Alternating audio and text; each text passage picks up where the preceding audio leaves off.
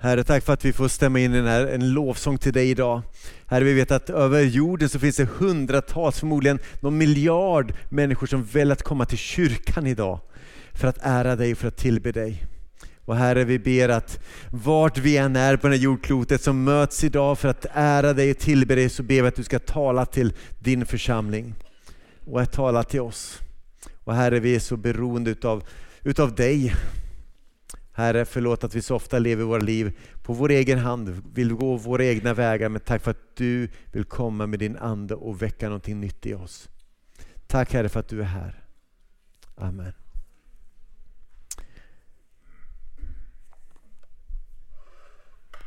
Hörrni, vi eh, påbörjade en serie för, förra veckan. Eh, som vi sagt, vi ska hålla på under sex veckor om hur vi kan vandra vidare med Jesus.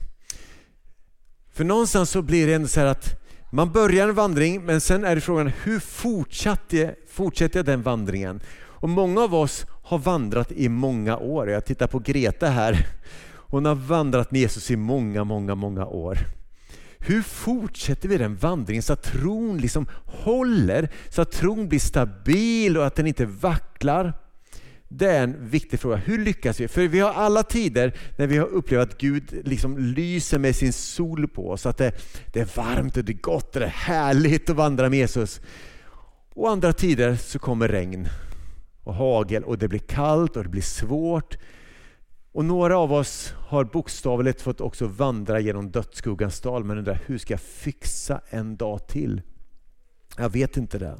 När man är ny i tron då är det som att det är en tid av upptäckter. Och man öppnar Bibeln och det är som att hela tiden dyker upp nya saker. Och sen när man var ung då hörde man sin ungdomsledare tala om någonting, man var eld och lågor. Liksom, Åh, fatta det här är sant! Och sen så läste man och man bara fullt ut liksom bara uppslukad av vad Gud hade och man ville upptäcka, man var nyfiken, man var längtande och man gick ut på stan på fredagskvällar för alla måste få höra om det här som jag har fått upptäcka. Och man var gasad. Och sen är det som att efter ett antal år är det någonting som händer. Det verkar som att den där drivet, den där iven, man öppnar Bibeln och sen är det inga överraskningar längre. Jag har läst det förut, så man bläddrar vidare. Och men det här som man tyckte tidigare var att åh, det här var så, och tänk, oh, wow. Helt ja, det är väl sant. Det är väl bra. Ingen som känner igen sig? Jo, härligt. Nej, det är inte härligt. Förlåt, det var väldigt fel. Ehm, men det är ändå så det är för oss. Vi frestas att tro att eftersom det var nytt och det var fräscht så är det, det då Gud får mig att växa. För man växte väldigt mycket i början i sin tro. Men då tänker vi så här att om jag nu ska växa vidare då måste jag höra någonting mer som är nytt. Någonting mer som är lite spännande, någonting mer som får mig att, liksom att studsa till. Bara, wow, tänk! Och där lurar vi oss. För det är inte så vår vandring med Jesus funkar. För jag tror att det, jag skulle inte kunna säga någonting någon gång tror jag, som skulle vara en nyhet för Greta. Hon har hört det mesta förut. Ändå så kan hon fortsätta vandra fastän det inte är en massa nyheter som dyker upp. För det som får min tro att växa och som gör att min tro kan fortsätta att utvecklas, att den kan ta steg framåt, där om jag gör det Jesus sa efter sin bergspredikan. Han sa att den som hör och den som gör... Ska jag avsluta ordet? Gör, precis. Den som hör och den som gör. Det är där det sitter. Därför att, att höra massa, att få massa kunskap, det är som skolan. Liksom, vi matar oss med kunskap, vi matar oss med massor och sen ska man ut i arbetslivet och helt plötsligt så står man där, okej, okay, vad gör jag nu? Man har all kunskap, men sen ska den ut i händer. Och min son har precis han läst färdigt snart sin ekonomiutbildning och nu har han fått jobb i fredags. Han ska börja jobba på, på en förening där de ska jobba, han ska jobba med bokföring och sånt där. Och han är lite nervös för att han, har, han kan det i praktiken, alltså, i teorin här uppe. Men nu ska han liksom ha ansvaret för, för en liksom, hel bokföring, en ekonomiavdelning. Han bara säger, hur ska det gå? Hur ska jag få det här att landa här och här? Och det är där någonstans jag tror att vi ibland går vilse när vi vandrar med Jesus. Att vi, vi har massa här, men hur får jag ut det här? Hur landar det i hjärtat? Hur, vet, hur får jag ut det här så att den, tron inte bara blir någonting här uppe? För jag kan säga till dig att om din tro stannar här, att det är kunskapen, saker jag hör, saker jag vet, det håller inte. Den tron blir aldrig stadig. Den tron kommer inte att kunna bära dig. Jag säger inte att det är oviktigt med kunskap, men det är inte det som kommer att få din tro att växa. Så därför skulle vi vilja de här veckorna få ge lite, med Guds hjälp, lite redskap, hur du kan, vad du kan göra för att få tron att växa vidare. Och en del av det vi kommer säga kommer du känna, kan det verkligen vara så enkelt? Men jag skulle utmana dig till att testa att pröva.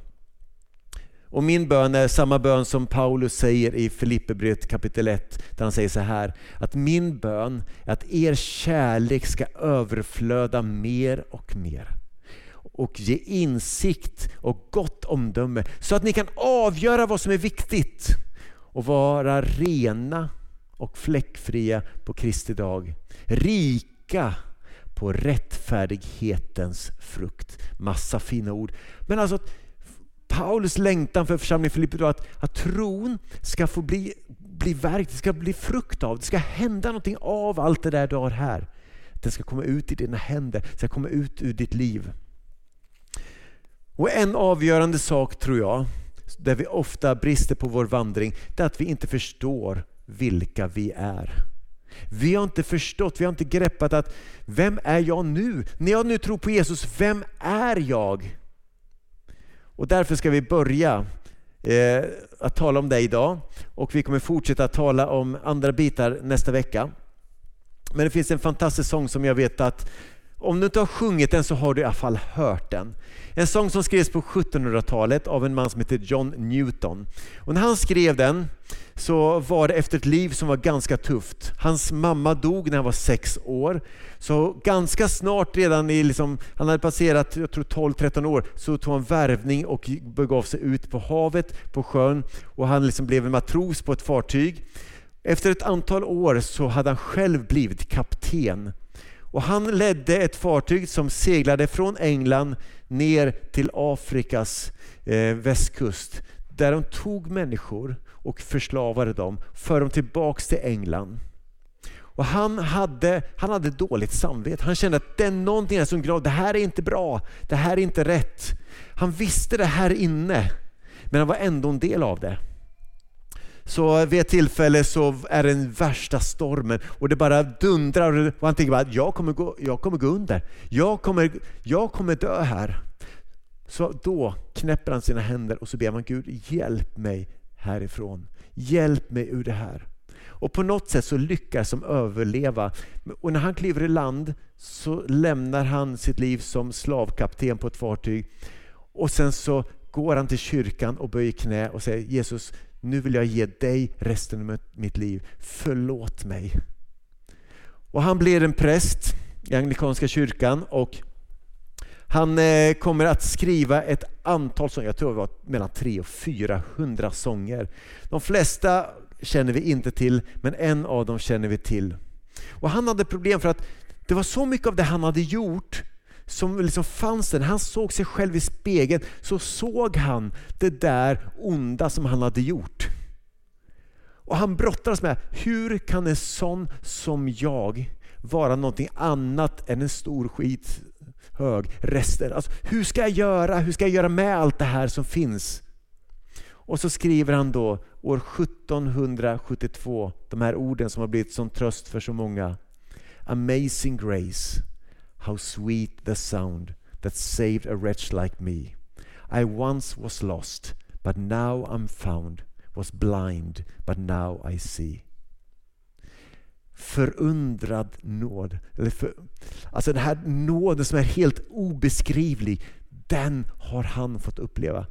Och Han såg sig själv i spegeln, han såg det han hade gjort. Samtidigt så såg han i den här spegeln att Gud säger något annat om mig än det jag säger om mig. Och Det är det som handlar om identitet, att vi behöver bli trygga i vilka vi är. Och John Newton hade vandrat på en väg där han hade gjort obeskrivligt onda saker. Men ändå i den här sången säger han de här orden. Att den här nåden, den kommer att föra mig ända hem till Gud. Hur kunde han veta det? Han kände nog inte det alltid, men han visste det därför att han hade också, förutom bara sett sin vanliga spegel, också speglat sig i den här boken. Vad Gud säger om honom. Paulus han var på ett sätt och vis ganska lik John Newton. Han hade liknande historia. Han beskrivs som en, en man som hade fängslat kristna och tyckte det var bra när de blev avrättade och dödade. Paulus han skriver en text om, om ungefär samma sak på ett sätt. Han talar om att vandra utan Gud och att vandra med Gud. Och Han säger att det finns de här två sätten att vandra på och det är en himmelsvid skillnad på de sätten att vandra. I Efesierbrevet kapitel 2, vers 1 så säger han de här orden, jag tror det kommer upp på skärmen också. Att ni, och så säger han till församlingen i Efesos, ni var döda genom era överträdelser och synder. Den gång som ni levde, eller ordet som används är vandrade i dem på denna tidens och världens vis. Och sen så inkluderar han sig själv då, sådana var vi alla en gång. Och det är nyheten, ett, ett liv utan Jesus är vi förlorade. Men så lite senare bara så säger han så här, när han talar till samma grupp av människor. Vi är hans verk. Vi är skapade inom Jesus Kristus för att göra de goda gärningar eller för att leva eller vandra i de goda gärningar som Gud från början bestämt oss till. Och man kan undra, vad hände mellan att vandra i död och överträdelse till att vandra i goda gärningar skapade genom Jesus? Och det som hände däremellan är Jesus. Det är korset som är där mittemellan. Och när vi vandrar med Jesus så är det lätt att man tänker att ja, men jag gav mitt liv till Jesus när jag var 12 år eller 20 år eller 15 eller när det nu var man gjorde. Och jag, då var jag vid korset och sen har jag gått vidare. Och där lurar man sig själv. För att vi kan aldrig vandra förbi korset. Korset behöver alltid finnas där i våra liv varje dag. Och så fort som jag tror att jag kan vandra vidare från korset så lämnar jag egentligen Guds väg. Där jag kan inte leva mitt liv i annat än just i skuggan av korset tillsammans med honom. Och Därför behöver jag ständigt återvända och säga Tack Jesus för att du förlåter mig. Förlåt mig min synd, förlåt mig mina överträdelser, förlåt mig. Och när jag speglar mig i hans kors så ser jag något annat i mig än vad jag normalt ser när jag ser mig själv i spegeln. Och korset, det är inte bara starten på vår resa. Det är i korset och det Jesus gjorde på korset som vi har vår nya identitet. Det är så vi förstår vilka vi är. Så när Gud tittar på oss och han tittar på Aina här nere och så ser han att då ser han egentligen inte Aina för, för hon, är, hon är inte fullkomlig, hon är inte perfekt. Överraskning för några kanske, men, men så är det. Men när Gud ser på Aina så ser han Aina genom Jesu glasögon. Han ser Jesu fullkomlighet i Aina fastän hon inte är fullkomlig. Han ser någonting annat i oss tack vare Jesus än vad vi ser i oss själva. Så Paulus han talar om att det finns två sätt att vandra på. I överträdelser och synd eller ett liv i goda gärningar som vi vandrar i skuggan av korset. Paulus eh, skriver också ett annat brev och vi ska läs, landa i den texten lite mer så har du Bibeln med dig får du gärna slå upp andra Korinthierbrevet. Det kommer också upp på skärmen men det är ett fantastiskt sammanhang. Och det här att, att vara någonting annat än det vi själva ser att vi är, det var verkligen sant för församlingen Korint. För i början så står det att det, det skickat till ett brev till de heliga i Korint. Men läser du sen Korinthierbrevet så insåg du att de söp sig fulla vid nattvardsbordet. Och när de hade nattvard och eh, så kom det fattiga dit som fick gå fattiga och hungriga hem. Och Det står att det fanns synd i den församlingen som man inte ens hör, hade hört talas om utanför kyrkan. Så han var helt bestört. Ändå så står det till de heliga. Jag fattar inte hur det där händer.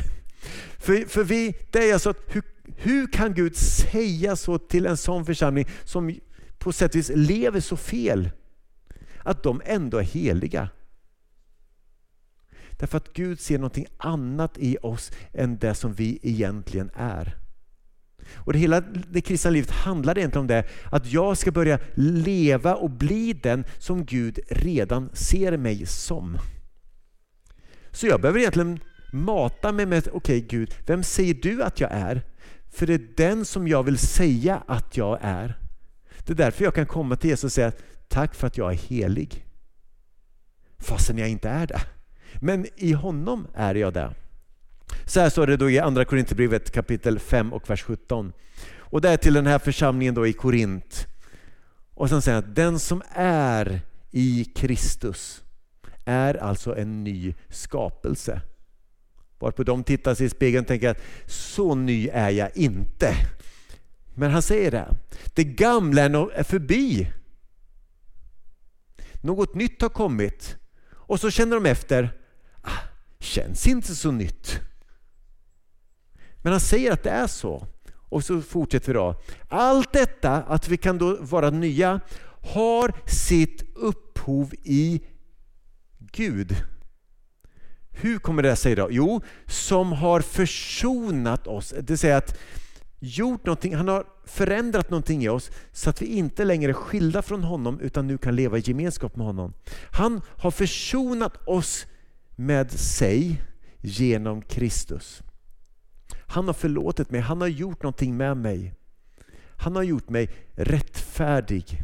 Men inte nog med det. Det står att och han har ställt mig, säger Paulus då, i försoningens tjänst. Här har vi en man som har mördat, han har tyckt det var bra att när folk fängslas och sätts i fängelse och dör. Nu säger han att jag har fått ett försoningens tjänst, jag har fått någonting fint. Och Jag vet inte hur många kyrkor som skulle velat anställa Paulus med sitt, med sitt CV egentligen. Men Gud anställde honom in i sin tjänst. Och Så säger han så här. Ty Gud försonade hela världen med sig genom Kristus. Och han ställde inte människorna till svars för deras överträdelser eller deras synder. Varför? Jo, för att han tog det på sig själv. Och sen så här. Och han, Gud, anförtrodde mig budskapet om denna försoning. Och när man läser i den här översättningen jag har, Bibel 2000, så är det här har det smugit sig in några fel som vi kan rätta till. Jag har en ny bild på hur det egentligen står. Det står nämligen att, att han anförtrodde oss, står det, budskapet om denna försoning. Och han säger det till församlingen i Korint att vi har blivit anförtrodda någonting. Oss. Vi är alltså Kristi sändebud och Gud manar genom oss och vi får be och Kristi vägnar, låt försona er med Gud. Och här tänker jag att hur kan man från att inte vara helig och inte vara fullkomlig som den här församlingen var, ändå säga att jag har fått försoningens tjänst, jag har fått ett uppdrag av Gud. Ja, alltså det låter ganska stort. Om någon då av de här som söp sig fulla vid nattvardsbordet gick hem och, och ja, men vem är du? Ja, jag är ett Jesus sändebud, jag är en ambassadör för Gud. Jag har ett uppdrag att mana till hela världen att de ska försona sig med Gud. Och sen så bara, ja men ursäkta, men jag ser hur du lever. Så att det finns ett stort glapp mellan hur våra liv egentligen blir, vad vi gör och hur Gud ser på oss. Och Gud älskar oss redan när det är ett stort glapp. Han älskar oss redan när vi är syndare. Men tanken är att vi, det här glappet ska minska. Och det är när vi vandrar med Jesus, när vi får vandra med honom och liksom fortsätta vandra med honom, så tänk att det här glappet ska minska. Att mitt liv mer och mer få se ut som Jesus redan, eller som Gud redan ser mig som. Att det ska bli ett minskning så att det innebär att förut kanske jag gjorde, men nu har jag fått tålamod. Förut kanske jag, men nu talar jag sanning. Så att, och Det här är liksom någonting som Gud vill se i oss. Inte bara för att ah, nu måste ni komma igen här och ta er i kragen, utan att tänk vad han har gjort för mig. I gensvar på det som han har gjort så vill jag ge någonting tillbaka. Tack vare Jesus. Och så står det så här, vers 21. Han, det vill säga Jesus, som inte visste vad synd var, honom gjorde Gud till ett med synden för vår skull. För att vi, och här kommer förklaring till hur, hur vi nu kan vara några andra än de som vi egentligen är. För att vi genom honom skulle få bli ett med hans rättfärdighet. Motsatsen till att synda och göra fel, att göra ont, är inte att göra gott. Motsatsen till att synda är att bli rättfärdig. Att få bli förlåten, att få bli upprättad. Att få en, en ny chans. En ny chans som kommer gång på gång. Varje gång som vi kommer till korset så får vi den där nya chansen. Medan vi tänker att äh, men jag måste ju vandra bort, jag har ju hört det där, jag kan korset. Nu måste jag bli någonting, jag måste få mer. Men det vi behöver är att återvända till korset hela tiden och säga Jesus, förlåt mig. Och när vi blir likgiltiga för vår egen synd, då går vi vilse. Och vi klarar inte av att hålla oss nära honom och leva det liv som han har tänkt att vi ska leva. Och tack vare Jesus kan vi göra det som teologer kallar för det saliga bytet. Och det, det låter ju väldigt bra och det, det är väldigt bra. Jag får ta min synd alla mina misslyckanden, alla mina felsteg. så får jag ta det och så får jag dumpa dem till Jesus och så tar han det. Och sen säger man tack så mycket. Nej, jag vet inte om man säger tack, men han tar det i alla fall. Och sen säger du ska få någonting annat av mig. Och så ger han mig sin rättfärdighet. Och det förtjänar inte jag. Och det förtjänar inte du. Och därför blir det lätt att när vi vandrat ett tag med Jesus säger ah, alltså jag misslyckats och fortfarande brottas jag med samma saker, fortfarande gör jag ju fel, fortfarande gör jag ju fortfarande. Men därför landat, okej okay, Gud, jag litar på att det du säger om mig är sant. För att när vi kliver in i det livet, där vi kliver in i Kristus, in i Jesus och säger att Jesus, jag vill att du ska vara mitt allt. Hjälp mig att få leva som du vill. Så händer det någonting med oss. Starten för Jesu vandring det blev när han klev ner i Jordanfloden och döptes. Och himlen öppnades. Och Det var så det började för Jesus. Och Då står det att, att en röst hördes från himlen. Och Det här var alltså innan Jesus hade gjort några under, innan han hade hållit någon fantastisk predikan, innan han hade gått på vatten, innan han hade dött för världens synder, så säger Gud så här om honom. Du är min älskade son. Du är min älskade son. Du är min utvalde. Och sen står det att den helige Ande kom ner över Jesus som en duva. Och på samma sätt så är det så, är det så Gud vill utropa över oss. Du är min älskade son, du är min älskade dotter. När vi har börjat vandra med Jesus är det det sant även för oss. Och han ger oss sin heliga Ande som tillsammans med vår ande vittnar om att vi är Guds barn. Och därför blir inte dopet bara någonting som man kan bocka av på sin vandring utan någonting som vi ständigt är kallade att leva i. Påminnas om att just det, jag tillhör ju Jesus. Jag vet inte om någon av er tänkte på men att, att Gud bekräftar det här innan han ens gjort någonting. Det säger någonting om Gud. Det innebär att det är inte vad vi gör som gör oss förtjänta att få vara älskade av Gud. Utan vilka vi är. Och när vi nu är älskade av Gud så är vi fria att få leva de liv som han har tänkt.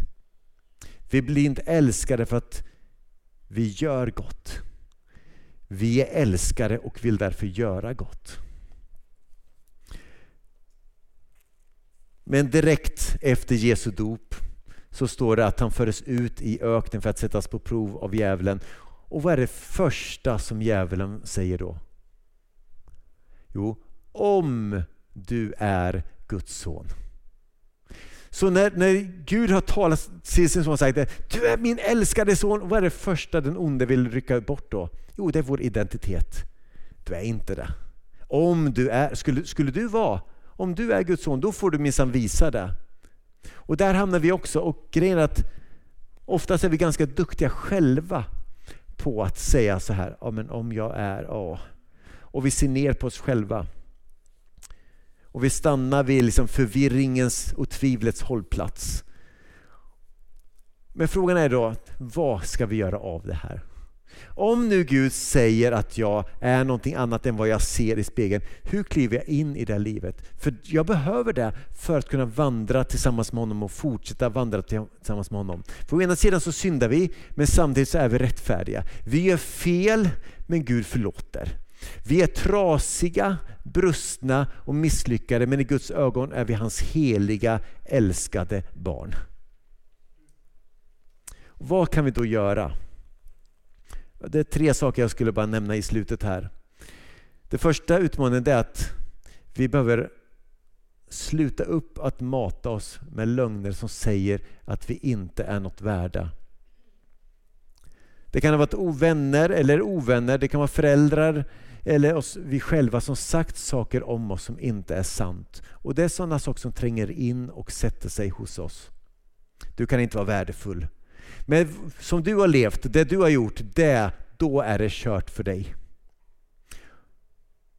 Och många gånger så värderar vi oss själva utifrån hur många likes och hur många gillar vi får på Facebook och på Instagram eller vart det nu är. Men hemligheten där att istället lyssna till vad Gud säger om oss och mata oss med det. Att jag är älskad, jag är dyrbar, jag är värdefull. Han älskade mig redan när jag var en syndare. Vi behöver mata oss med det. Jag vet att i, eh, när vi var yngre och eh, gick i vår hemförsamling i Linköping, jag och min fru, då, då fick min fru massor med, med små lappar av vår ungdomsledare som, hon, som man, man hittade lite överallt instuckna i, i Bibeln och sånt där med så små uppmuntrande ord vad Gud har sagt. Och ibland behöver vi det. Jag vet inte om du har, eh, använder post-it-lappar för att komma ihåg saker, typ att tvätta bilen, kom ihåg besikta bilen eller eh, kom ihåg det här, ta med dig matlådan. Ibland kanske vi skulle behöva post-it-lappar i våra hem som påminner oss om vilka Gud säger att vi är. Så att vi tittar oss i spegeln så har vi ritat något i ett stort hjärta i spegeln. Du är älskad av Gud och sen en pil på... Vi kanske behöver det och det låter enkelt men det här är en viktig del av vår vandring. Att påminnas om vem Gud säger att vi är. Att boosta oss själva. En annan sak då som jag tror är ett hinder för oss att komma vidare, det är, det är vår ensamhet. Vi tror att ensam är stark. Att ska, en ska jag vara mogen och ska jag vara stark, ska jag kunna vandra med Jesus, då måste jag kunna stå upp på egna ben och jag måste minsann. Fast längst i Guds rike kommer de som är villiga att luta sig mot andra. Som är villiga att säga hjälp mig. Ensam är inte stark. Och lösningen är att luta sig in mot andra Guds barn som är på samma resa. Och jag, jag tänkte så här att ett motto för en lärjunge borde vara så här. Kom och låt oss snubblande följa Jesus tillsammans. För vi kommer inte klara att hålla oss upprätta hela tiden. Men gör jag det tillsammans med andra, då får jag hjälp.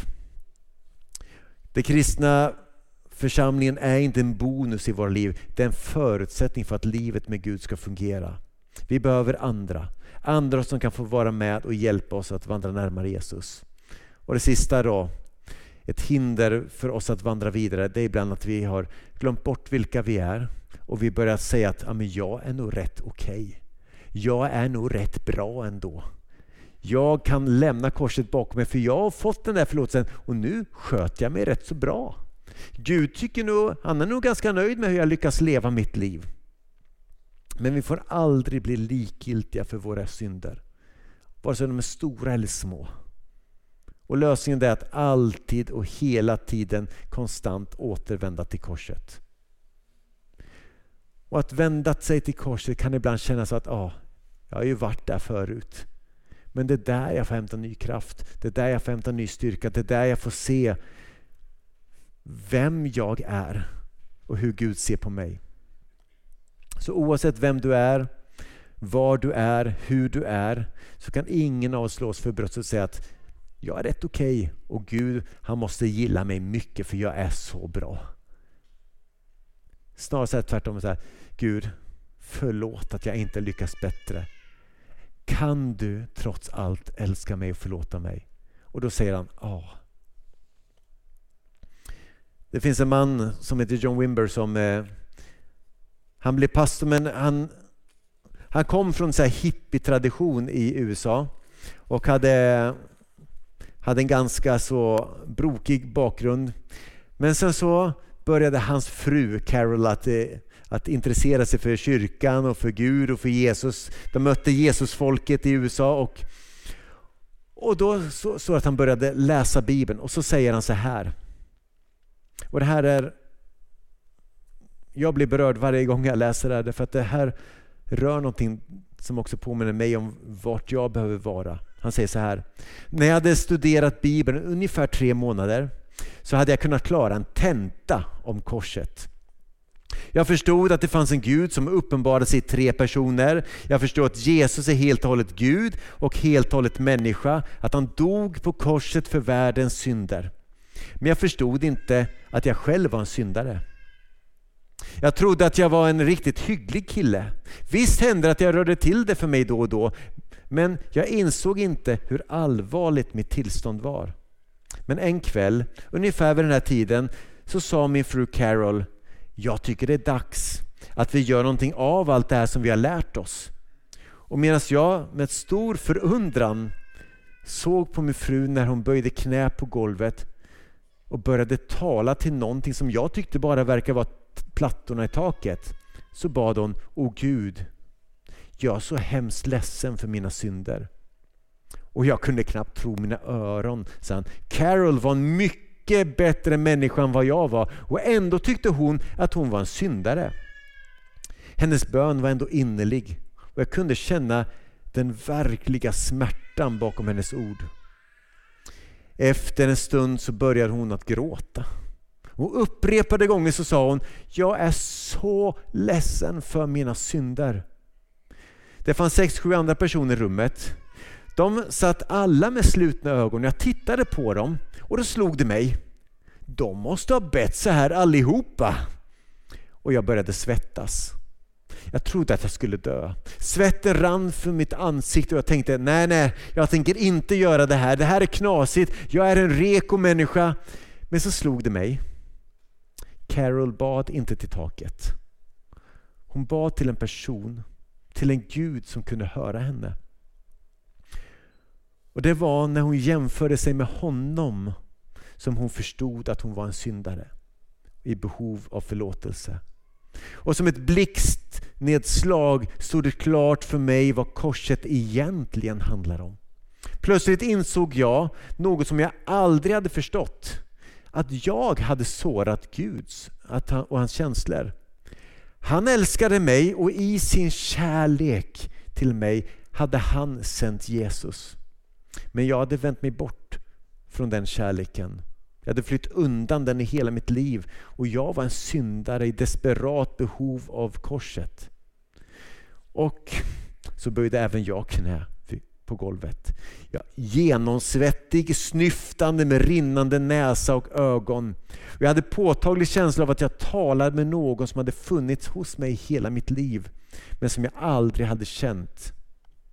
Och liksom Carol började jag nu att tala med levande Gud. Jag talade om för honom att jag var syndare. Men de enda ord som jag kunde höra högt var O Gud, O Gud.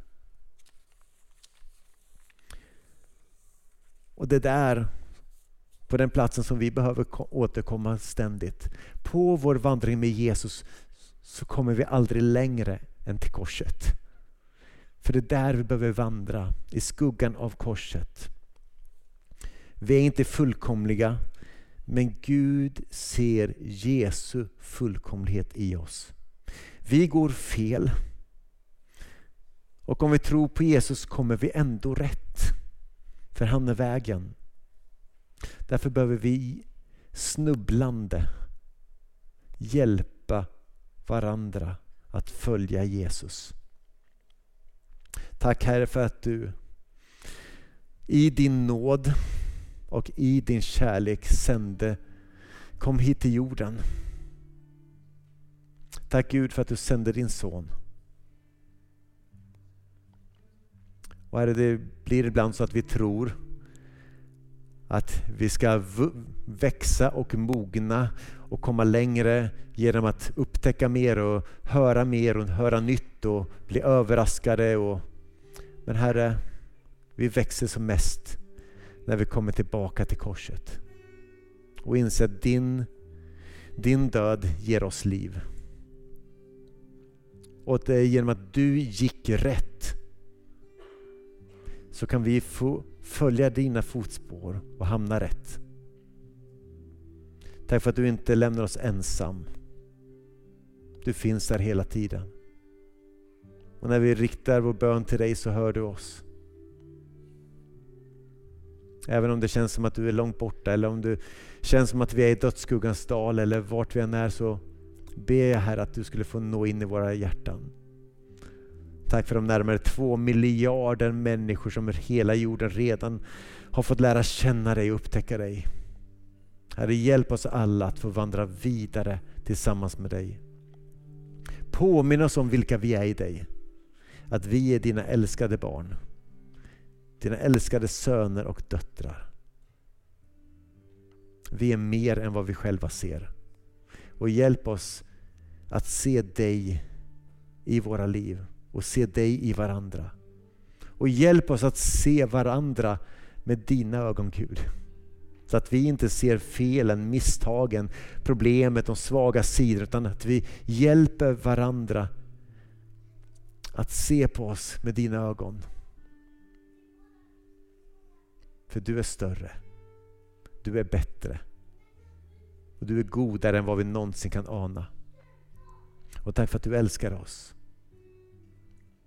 Och hjälp den som har kört fast i sin tro, som tycker att jag kommer inte längre, jag vet inte vad nytt jag behöver höra för att komma vidare. Gud, ta dem tillbaka till korset. Där du gav ditt liv. För det är vår kraft, det är vår styrka. Det är vårt hopp.